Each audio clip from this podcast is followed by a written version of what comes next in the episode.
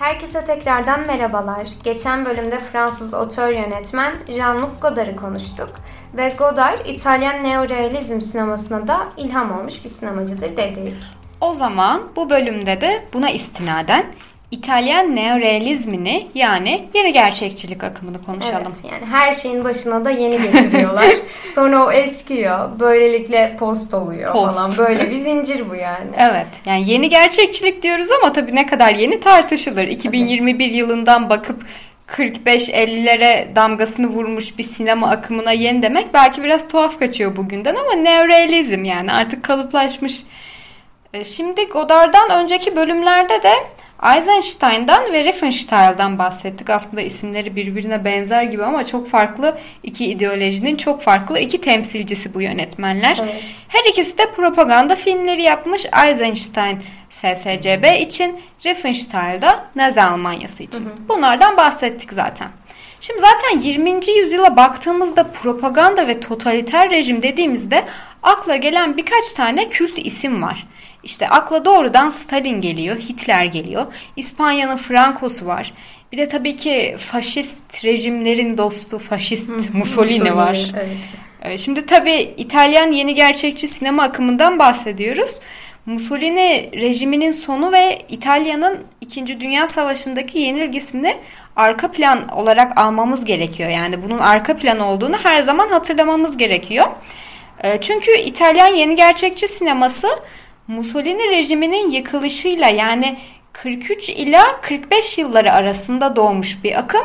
Dolayısıyla şimdiye dek gördüğümüz yönetmenlerin ve sinema akımlarının aksine bu akımda çok şükür ki bu sefer totaliterlik propagandasına dair hiçbir şey yok. Hiçbir şey mevcut çok değil. Çok şükür.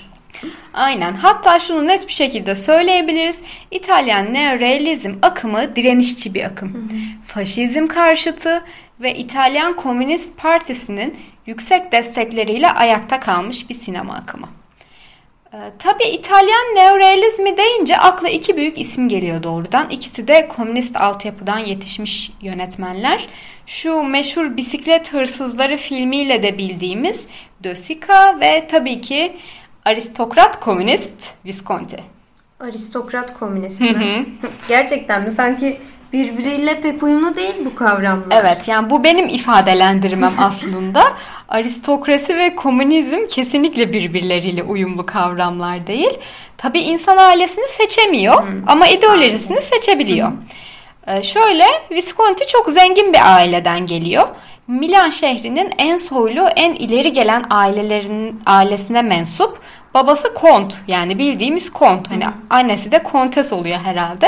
Tabii oldukça varlıklılar dolayısıyla. O yüzden aristokrat diyorum bir açıdan da. Ama Visconti gelirlerini Komünist Parti'ye harcayacak kadar da bir ideoloji insanı. Hı hı. Visconti'yi ünlü Leopard filmiyle tanıyor çoğu kişi galiba. Hı hı, 63 yılındaki şu hem renkli hem de Alain Delon'un oynadığı meşhur film. Evet, evet. Yani Leopard çok ilgi çekmiş Hı-hı. ve bence hala da ilgi çeken bir film. En azından benim ilgimi çekiyor. Alain Delon oynuyor sonuçta. Ama bu aslında Leopard filminin Visconti'nin neorealist e, akımdan bir tık daha sıyrıldığı son dönem filmlerinden diyebiliriz. Hı hı. Yani zamanla tabii ki yönetmenin tarzı ve temaları farklılık göstermeye başlıyor. İtalyan yeni gerçekçilik akımını görmek için biraz daha erken dönem filmlerine mi bakmak gerekiyor? Yani evet genellikle evet. Yani zamanla her sanatçı bir akıma mensup olduktan sonra kendi özgün tarzını oluşturabiliyor hı hı. ve bu şekilde farklılaşmayı başarabiliyorlar. Tabii ufak nüanslarla farklılaşıyor Visconti. Yani gidip totaliter rejim övgüsü dolu bir filmde çekmiyor.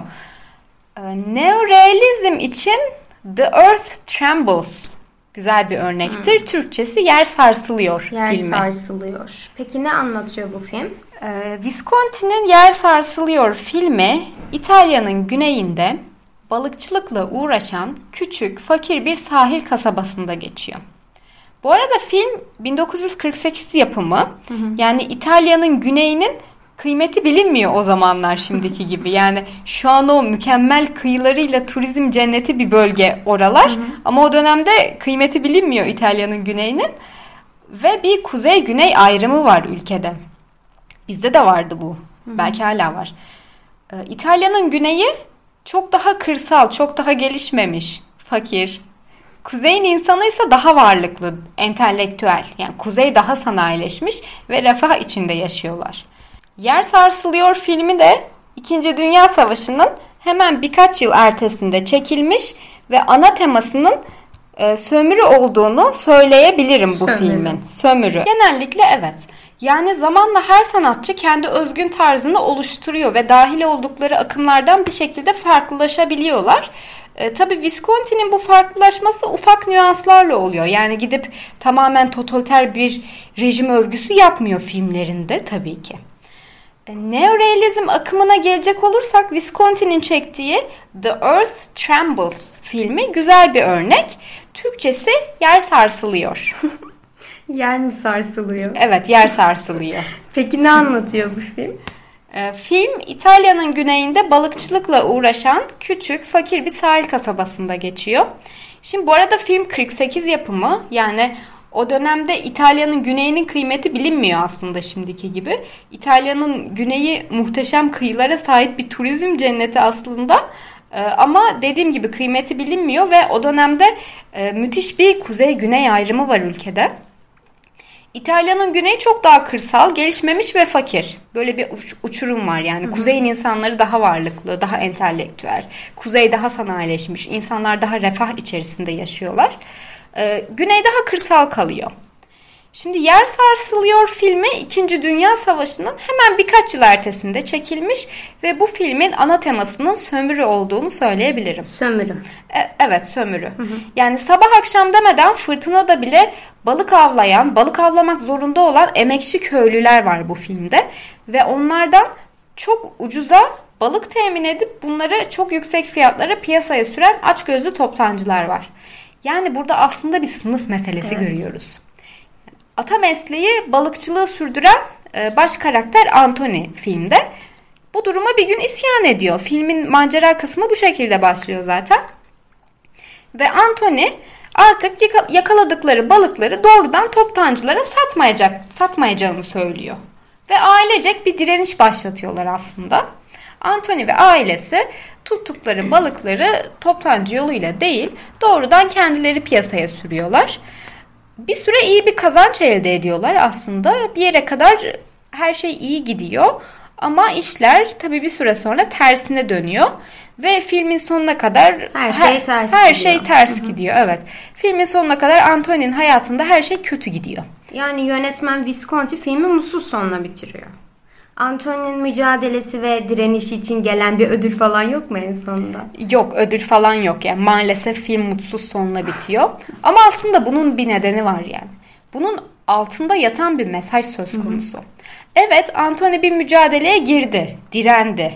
Ama köyünden, çevresinden, ailesi haricinde kimse ona destek vermedi.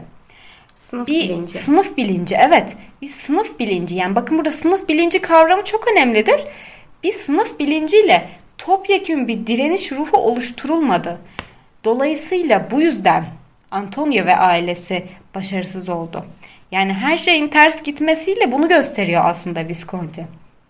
Yani bireysel kurtuluş yoktur, varsa da çok nadirdir demek istiyor kısaca. Sınıf bilinci olmalı ve sınıf bilinciyle sömürü düzenine baş kaldırmalı diyor. O zaman dolayısıyla Yer Sarsılıyor filmi de beklenenin aksine başarısız bir direniş girişimi ve sömürünün daha da artmasıyla son buluyor. Evet aynen öyle. Başarısız bir direniş girişimi mevcut ve sömürü filmin sonuna doğru daha da yoğun bir şekilde artıyor. Spoiler Spoiler yani umarım çok spoiler vermemişizdir. Mutlaka izlenmesini de tavsiye ediyoruz. Ben birkaç kere izledim. Gerçekten güzel bir film.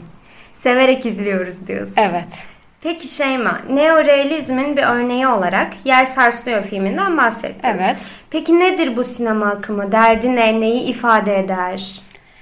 Şimdi neorealizm akımı 1943 ve 1945 yılları arasında e, başlıyor. Tam bu 2. Dünya Savaşı'nın sonlandığı tarihler bu tarihler. İtalya yeniliyor, bölünüyor, paylaşılarak yönetiliyor. Mussolini kaçıyor, komünistlerce yakalanıyor. Onu yakalayan direnişçi Mussolini'ye 5 tane mermi sıkıyor ve Mussolini'yi öldürüyor. Yani böyle olaylar söz konusu İtalya'da. Yani savaş sonrası dönemde komünizm aslında bir güç olarak kendini göstermeye başlıyor İtalya'da. Yeni gerçekçilik sinema akımı da bu komünist ideolojiyi destekleyen bir akım olarak konumlanıyor. Yani en azından bir süre bu şekilde. Hı hı. Peki neyi konu alıyor neorealist sanatçılar? Rossellini, Visconti, De Sica. Öncelikle dayanışma ve direniş ruhunu, hı hı. sınıf bilincini ve antifaşizmi konu alıyor. Tabii ki dolayısıyla toplumsal konular içeriyor. Gettolardaki yaşama değiniyorlar. İtalya'nın güneyindeki yani o kırsal ve fakir kesimdeki hayattan, oradaki tarımsal problemlerden ve sömürü düzeninden bahsediyorlar. Hani bizim tabirle toprak ağası, onların tabirle lord için çalışan işte kendi toprağına sahip olmayan köylüler var tabi. O dönem hala varlar. Ee, dolayısıyla toprak reformuna dikkat çekiliyor, çekiyorlar. Bu köylülerin durumuna dikkat çekiyorlar. Ee, sonra yoksulluk, sömürü, evsizlik, çocuk ve kadın istismarı gibi problemlere değiniyorlar. Mesela bu Dösika'nın Shoe Shine yani Boyacı Çocuklar filmi veya Bicycle Thieves bisiklet hırsızları filmi bu temalar için çok güzel örnekler. Yani kısaca şunu diyor yeni gerçekçi akımın yönetmenleri. Artık naif, saf, klişe film ögeleri yok bu ticari Amerikan filmleri tarzında sadece eğlendirmeye yönelik bu hani beyaz telefon filmleri derler ya o beyaz telefon filmlerinden yok. Ya da işte doğaüstü görüntülerle dolu böyle fantastik filmler yok. Korku filmleri yok. Gerçeklik, gerçeklik var. var. Evet yalnızca gerçeklik var. Yani çünkü gerçeklik o kadar zengin ki o kadar çok materyal veriyor ki yönetmene aslında hayal dünyasında bir şey aramasına bile gerek kalmıyor.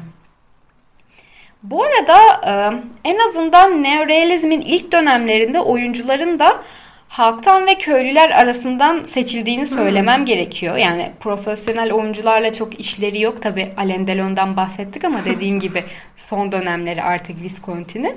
Yani acemi de olsa gerçek halkı tercih ediyorlar oyuncu olarak. Ya o yüzden de bence bu Yer Sarsılıyor filmini izlerken oyunculuktan not kırmamız çok muhtemel. Biraz kötü oyunculuklar. Bu oyuncu seçimi bana Potemkin zırhlısını hatırlattı. Hmm. Yeni gerçekçilik akımı bize Sovyet sinemasını da hatırlatmalı mı? Şimdi şunu net bir şekilde söyleyebilirim. Sovyetlerin sanat anlayışı kara propaganda üstüne kurulu. Kara propaganda. Yani neredeyse tüm sanat içerikleri ve ürünleri devlet kontrolünden ve sansüründen geçiyor. Ee, bu özellikle devletin iyiden iyiye otoriterleştiği dönemlerde daha da yoğun hissedilebiliyor. Tabi aynı zamanda fütürist akımdan ilerleyen Sovyet sanatçıları da var ama o ayrı bir konu. Ee, ama durum şu. Resmi SSCB sineması buram buram propaganda kokuyor. Çok belirgin. Hatta bazı eleştirmenler SSCB'nin başarısızlığını bu soğuk savaştaki ya da 90'lardaki yıkılırkenki o başarısızlığını yaptığı propagandanın aşikarlığına, belirginliğine bağlarlar. Yani bunu bir neden olarak öne sürerler. İtalyan neorealizmine bakınca tabi böyle bir durum söz konusu değil. Yalnız şunu demiyorum. Bu akım tamamen propagandadan arınmıştır demiyorum. Kesinlikle bunu demiyorum. Aksine tabii ki yeni gerçekçilik akımında da propaganda var. Tabii ki onlar da kendi düşüncelerini deklare ediyorlar bir biçimde. Yani zaten propagandadan arınmak diye bir şey zaten mümkün değil. Yani dünya sistemi şu anda propaganda üstüne kurulu. Yani demokrasi mesela, demokrasi propagandayı mecbur kılmıyor mu?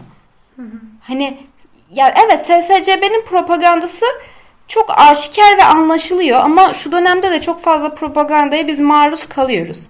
Ama aslında propagandanın anlaşılmayanı makbuldür yani böyle derler. Biz yine propagandadan bahsetmeye başladık. evet tutamadım gene kendimi. Ee, yani gerçekten sinemada propaganda içerikli bir bölüm daha çekmemiz evet, lazım. Bence de çekelim bir gün. Peki İtalyan yeni gerçekçilik akımı neye odaklanıyor? Ee, İtalyan yeni gerçekçilik sineması gerçekçidir ve ideoloji ideoloji odaklı olmaktan öte aslında insan odaklıdır. Yani evet komünizm vesaire dedik. Arka planda tabii ki bir ideolojisi var ama e, bir mesaj veriyor yönetmenler Hı-hı. ve bu yönetmenlerce verilen bu mesaj o insanların refahı refahı için veriliyor. Yani en azından yönetmenler bunu böyle düşünüyorlar. Hı-hı. Yani çekilen film otoriter liderimizi, totaliter rejimimizi kutsayalım, tatmin edelim amaçlı çekilmiyor yani. Şimdi benim aklıma yine Yılmaz Güney geldi. Ya Yılmaz Güney'den bahsetmeden geçemiyoruz evet. hiçbir bölümde. Aklıma gelmesi çok doğal aslında. Aynı temaları konu alıyorlar. Kırsalda yaşayanlar ve yaşananlar, ülke sorunları, köylü, köylü sorunları, köylü sorunları, insan sorunları vesaire. Belki gün gelir kendisinden bahsederiz. Hı-hı. O da usta bir yönetmen sonuçta Tabii ki mi? o da usta Hı-hı. bir yönetmen yani Türkiye sinemasında. Evet. Tabii ki bahsederiz bir gün. Neden olmasın? Peki çok teşekkür ederiz Şeyma. O zaman ne diyelim? Takipte kalın. Hoşça, Hoşça kalın. kalın. Görüşmek üzere.